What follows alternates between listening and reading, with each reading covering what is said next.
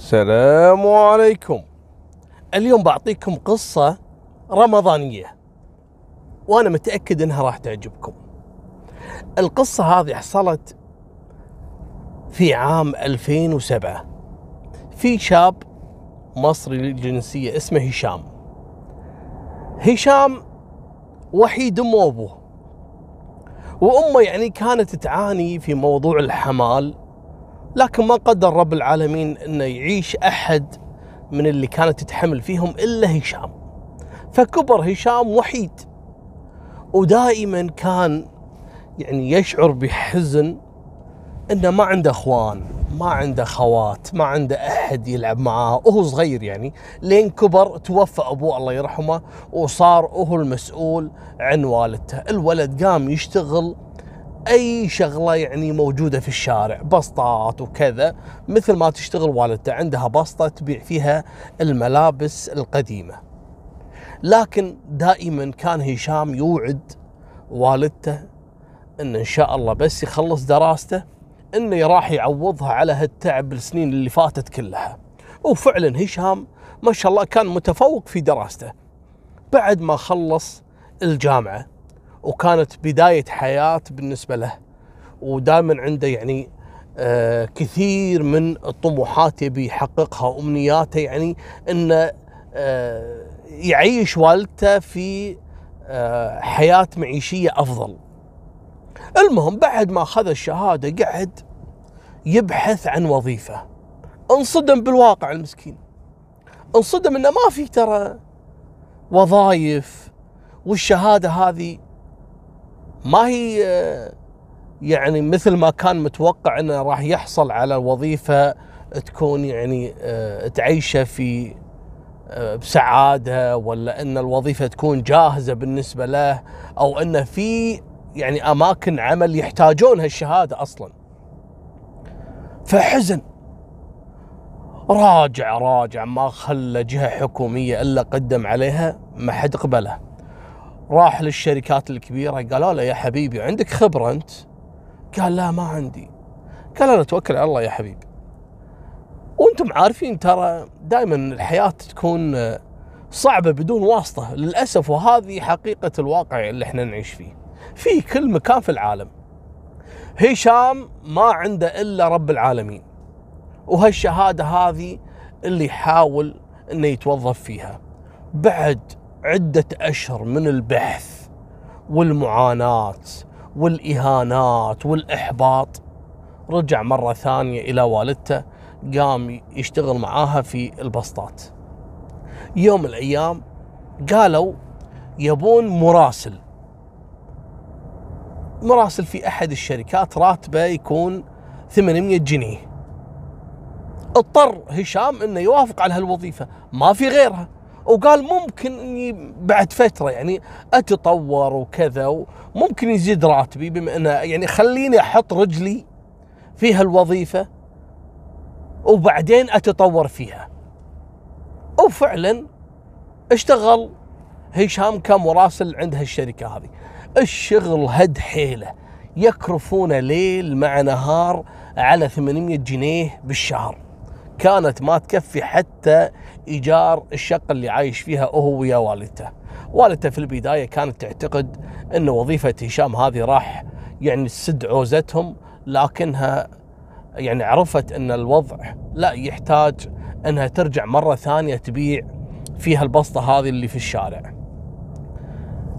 المهم الحين هشام بعد هالسنين هذه أصبح عمره 27 سنة. يبي يتزوج. ودائما في باله حلم يبي يحققه إنه يتزوج ويجيب أولاد ويجيب بنات. يبي يعوض الوحدة اللي كان يعيش فيها إنه هو وحيد أمه وأبوه. فبدأ يبحث عن الزوجة اللي ترضى في وضع الاجتماعي وإنه تعيش معاه في شقته هو ويا أمه وإنه شوي شوي ممكن الحياة تستمر وإنه يتطورون. من هالكلام هذا. وفعلا شاف وحدة كانت زميلة معاه في الجامعة وكان معجب فيها لما تصادف معاها في أحد المرات. طرح عليها الفكرة قال أنا معجب فيك وأدور بنت حلال. قالت له والله أنت شاب يعني محترم وأنا يعني شفتك أيام الجامعة وأعرفك وأعرف أخلاقك أنا ما عندي مانع. وفعلا تقدم حق البنت وأبو البنت كان يعني متفهم لوضع هشام. قال له ما في مشكلة البنت الحين كذلك راح توظف إن شاء الله وأنتم متعينون بعض يعني في هالحياة. قال تمام. المهم البنت قبل لا توظف كانت طلباتها كثيرة وهشام كان يحاول إنه يدفع كل ما يملك علشان فقط يرضيها من هدايا ومن كذا يعني بما إنها كانت خطيبته والى الآن أصلا ما كتبوا الكتاب. فقامت أمه قالت له يا ولدي أنت الحين بحاجة فعلا للمال حق العرس وكذا. هذا كله ذهبي أخذه وبيعه. يعني يسوى أن نبيعه في هاللحظة هذه لأن أنت فعلا تحاول أن تبدأ مرحلة جديدة في حياتك إنك تتزوج. قال جزاك الله خير يا يمه وإن شاء الله الله يفتح علي بعدين وأرجعهم لك. قالت له إن شاء الله. المهم باع. كل ما تملك أمه من ذهب وجهز يعني رمم الشقة اللي هم عايشين فيها شقة أمه يعني علشان زوجته هذه بعد يعني ما يتم الزواج إنه تسكن معاهم ويوم من الأيام الزوجة هذه كذلك تتمنى إن هشام يشتغل وظيفة أفضل من وظيفته. يعني أفضل من 800 جنيه هذه ما تنفع. فأبو البنت قال لها شوفي في وظيفة يبحثون عن كاتب في أحد الشركات بقيمة 1400 جنيه. فأنا توسطت حق هشام. شوفي إذا يحب انه يتوظف. البنت اتصلت على هشام قالت له يا هشام الحق لقينا لك الوظيفة وأتمنى إنك تروح الآن الآن تروح تقدم قبل لا يجي أحد يتقدم وياخذ هالوظيفة. أبوي توسط لك وقيمة الراتب 1400 أفضل من ال 800 جنيه اللي أنت تاخذهم. قال لها يلا. بالعكس واستأذن من عمله قال لهم أنا بروح عندي يعني مشوار بخلصه إن شاء الله وبرجع. قالوا له روح. وفعلا قام هشام وركب الباص هذا الميكروباص علشان ينتقل من منطقة لمنطقة يبي يروح مكان تواجد هالشركة هذه علشان يقدم عليها. وأول ما وصل إلى المنطقة أول ما نزل من التاكسي أو الميكروباص هذا نفس التاكسي بس باص صغير وهذا أرخص أجرة يعني من التاكسي العادي. نزل يبي عبر الشارع. وأول ما حط رجله في الطريق يبي عبر الشارع وتجيه السيارة هذه المسرعة وتصطدم في هشام بقوة لدرجة إن هشام يعني طار عن مكان الحادث أكثر من أربع أمتار. وطاح الولد ينزف من الدم. طبعا الناس اللي بالشارع التموا وشالوه واسعفوه وودوه المستشفى وجاء الخبر مثل الصاعقة على أم هشام أن ولدك موجود الآن في المستشفى بين الحياة والموت. يوم راحت الأم المسكينة ولا ولدها باترين رجله لأنه كان في حالة خلاص على وشك الموت ولازم علشان ينقذون حياته يبترون جزء من رجله لأن النزيف وتكسر العظام يعني متفتت عظامه بالكامل.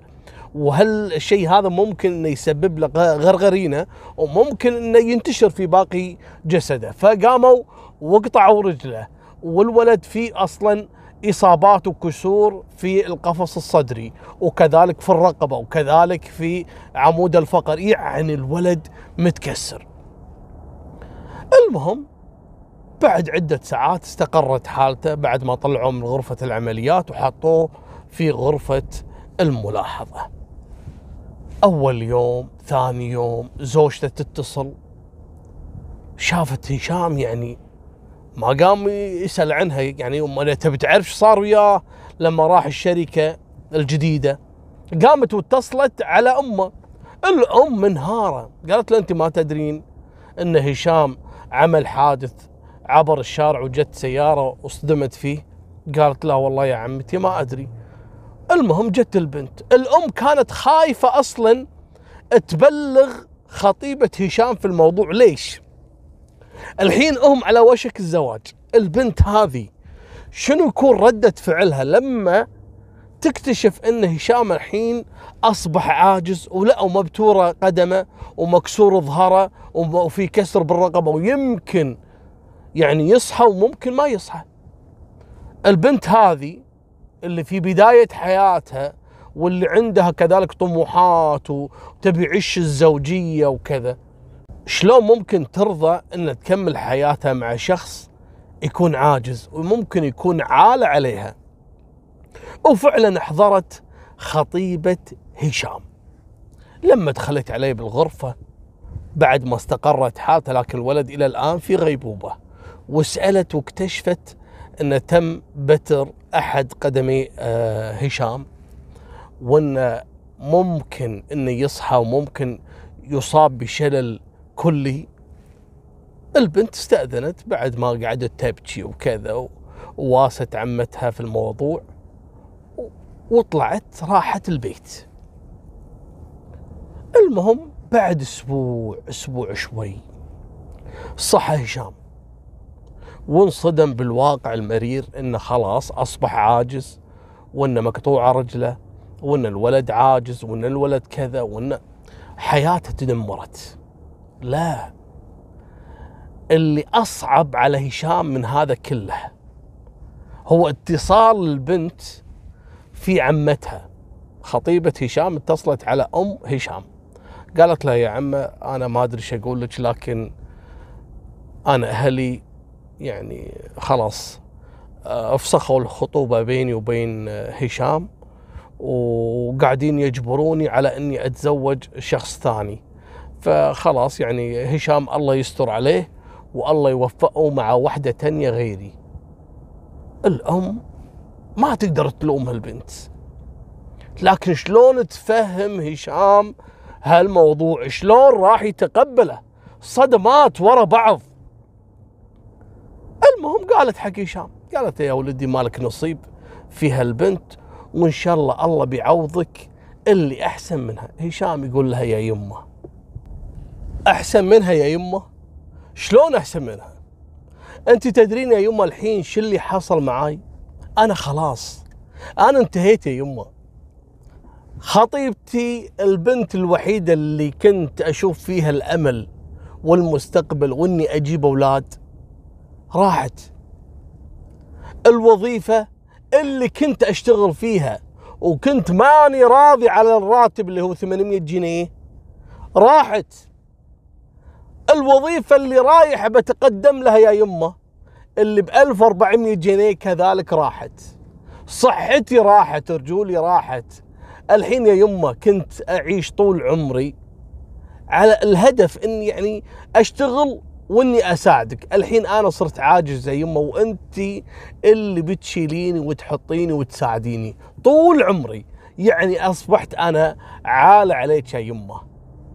شنو أفضل منها يا يمه؟ الأم قعدت تبكي. قالت والله يا يبا تعرفون الأم شو تقول؟ خلاص قدام قدام الأمر الواقع هذا وقدام النصيب وقضاء الله وقدره ما لها إلا تصبر. قالت له يا ولدي اللي كاتبه رب العالمين إحنا نرضى فيه. وكل أمرك لرب العالمين.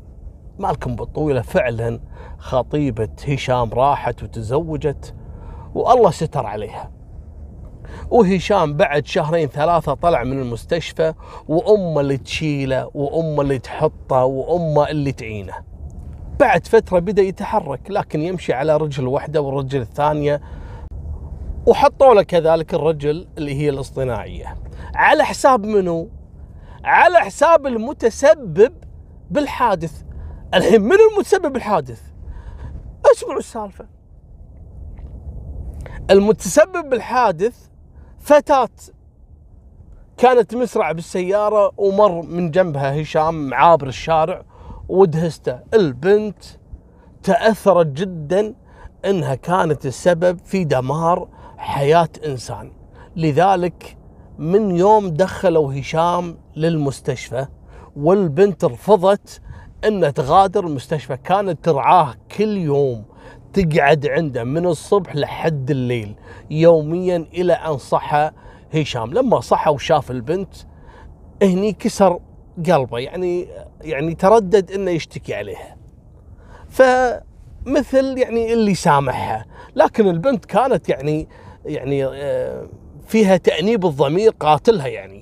وكانت كلها تعتذر وتتأسف وأبوها رجل يعني عنده خير و فالأبو دائما كان يجي ويزور هشام ويعتذر منه ويقول له كل مصاريفك علي وأي شيء تبي ولا تحاتي وأنا عارف الحين أنت انقطع رزقك لكن لا تشيل هم أنا راح أصرف عليك وعلى والدتك لحد ما تقوم بالسلامه إن شاء الله وتبدأ حياة جديدة ومن هالكلام. هشام لما طلع من المستشفى وخلاص قاعد في البيت البنت هذه كل يوم تزوره. صار بينه وبين البنت شوي يعني ألفة خصوصا البنت كانت ترعاه لحد ما شد عودة هذا هشام من جديد وقام يوقف وقام يعرف يستخدم الرجل الاصطناعية والبنت كذلك يعني حبت شخصية هشام ولد يعني مؤدب ومحترم مكافح لكن نصيبه كان سيء على ايد هالبنت هذه. المهم بعد مرور عدة أشهر على العلاقة وأصبحت البنت هذه كأنها واحدة من أهل هشام الولد بدأ يفكر فيها من ناحية شنو؟ من ناحية أنه وده يتقدم لها بما أن البنت قامت تقعد عندهم بالساعات في البيت وتحب أمه وكذلك ترعى هشام وتعينه يعني في المشي وتساعده يعني في تدريباته ومن هالكلام الولد قام يوم من الأيام وطلب من البنت إنه يفاتحها في موضوع ويبي يشوف ردة فعلها. أول ما قعدت البنت وهشام تو يبي يسولف وياها قالت له أنا كذلك عندي طلب. قال لها شنو تفضلي؟ قالت له لا ممكن تقول أنت أول؟ قال لا لا لا ما يخالف. أنا طلبي شوي يحتاج وقت يعني. قالت له اسمع أنا بنت يمكن أنت ما سألت عن وضعي الاجتماعي.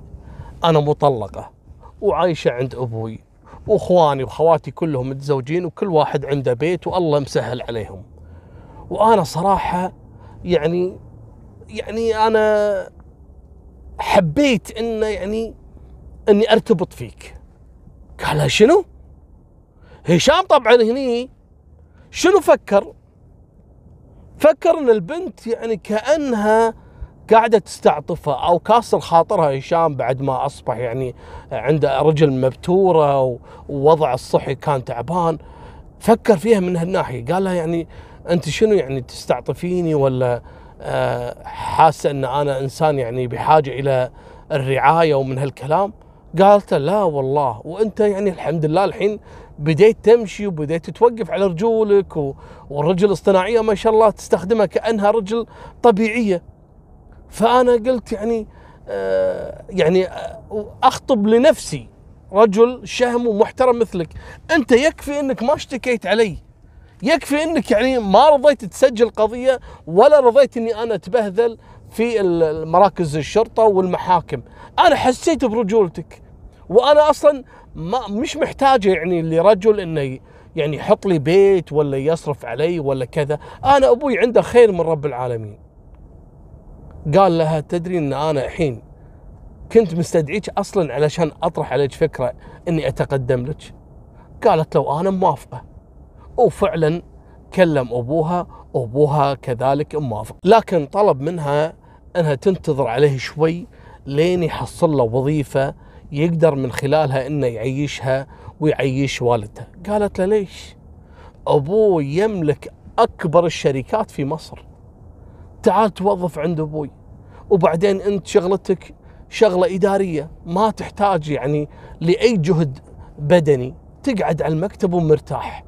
والراتب اللي انت تطلبه يعني فوق العشرين ثلاثين ألف جنيه ولا تفكر يا سبحان الله وفعلا ويعطونها الوظيفة ويزوجونها البنت وشوي وينتقل هشام وأمه من الشقة التعبانة اللي كانوا ساكنين فيها إلى فيلا اللي منحها أبو البنت لهشام وزوجته. في المقابل هشام بعد ما طلع من المستشفى كان من المقرر إنه يستدعونه للجيش للتجنيد. لكن بسبب اللي هو الإعاقة اللي عنده بتر القدم ما أخذوا أخذوا واحد من أصدقائه هذا بنفس الدفعة اللي هو فيها هشام. راح الولد سبحان الله واشتغل في مصنع لانابيب الغاز وانفجر فيهم ذاك اليوم المصنع وتوفى صديق هشام. يعني لولا بتر قدمه كان هشام أصلا ميت مع زميله في مصنع الأنابيب. واللي اغرب من هذا إن صديق أحد أصدقاء هشام يسولف له يقول له تعرف البنت اللي كنت أنت أصلا تبي تتزوجها؟ تعرف هي وين راحت؟ قال الله يستر عليها وكذا. قال إي نعم. الله يستر عليها هي تزوجت لكن من تزوجت إلى الآن وهي كل يوم والثاني مشاكل وبلاوي بينها وبين زوجها. ضرب وكل يوم هي مشتكية عليه في مركز الشرطة ومرات هي البنت يعني تتشاجر معاه وتعمل له زيطة ليل مع نهار لأنهم ساكنين بشقة جنب البيت اللي إحنا ساكنين فيه. قال له ليش يعني المشاكل بينها وبين زوجها؟ قال لأن زوجها اكتشف أن هذه البنت عقيم وما تنجب. فيها يعني رب العالمين ما كتب إن هذه البنت يعني يحصل لها حمل وبعد ما فحصوها طلعت هي عقيم وما تنجب الأولاد. وتحمد ربك إن أنت ما تزوجتها. هني هشام قال الحمد لله فعلا. لأن أنا هدفي من الزواج أصلا إني أبي عيال أبي أعوض الحياة اللي كنت عايشها لما كنت وحيد. ما عندي لا أخوان ولا خوات. الموضوع اللي أغرب من هذا. الشركة اللي كان رايح هشام يتقدم عندهم براتب 1400 جنيه أعلنت إفلاسها والبنوك حجزت على جميع أفرع هالشركة هذه لأنهم مو مسددين المديونيات اللي عليها. يعني لو هشام رايح ذاك اليوم كان حتى يعني متفنش الحين وقاعد لا وظيفة ولا شيء لكن رب العالمين عوض عن كل اللي صار وعسى أن تكرهوا شيئا وهو خير لكم وعسى أن تحبوا شيئا وهو شر لكم. هذه نهاية سالفتنا وفمان الله مع السلامة.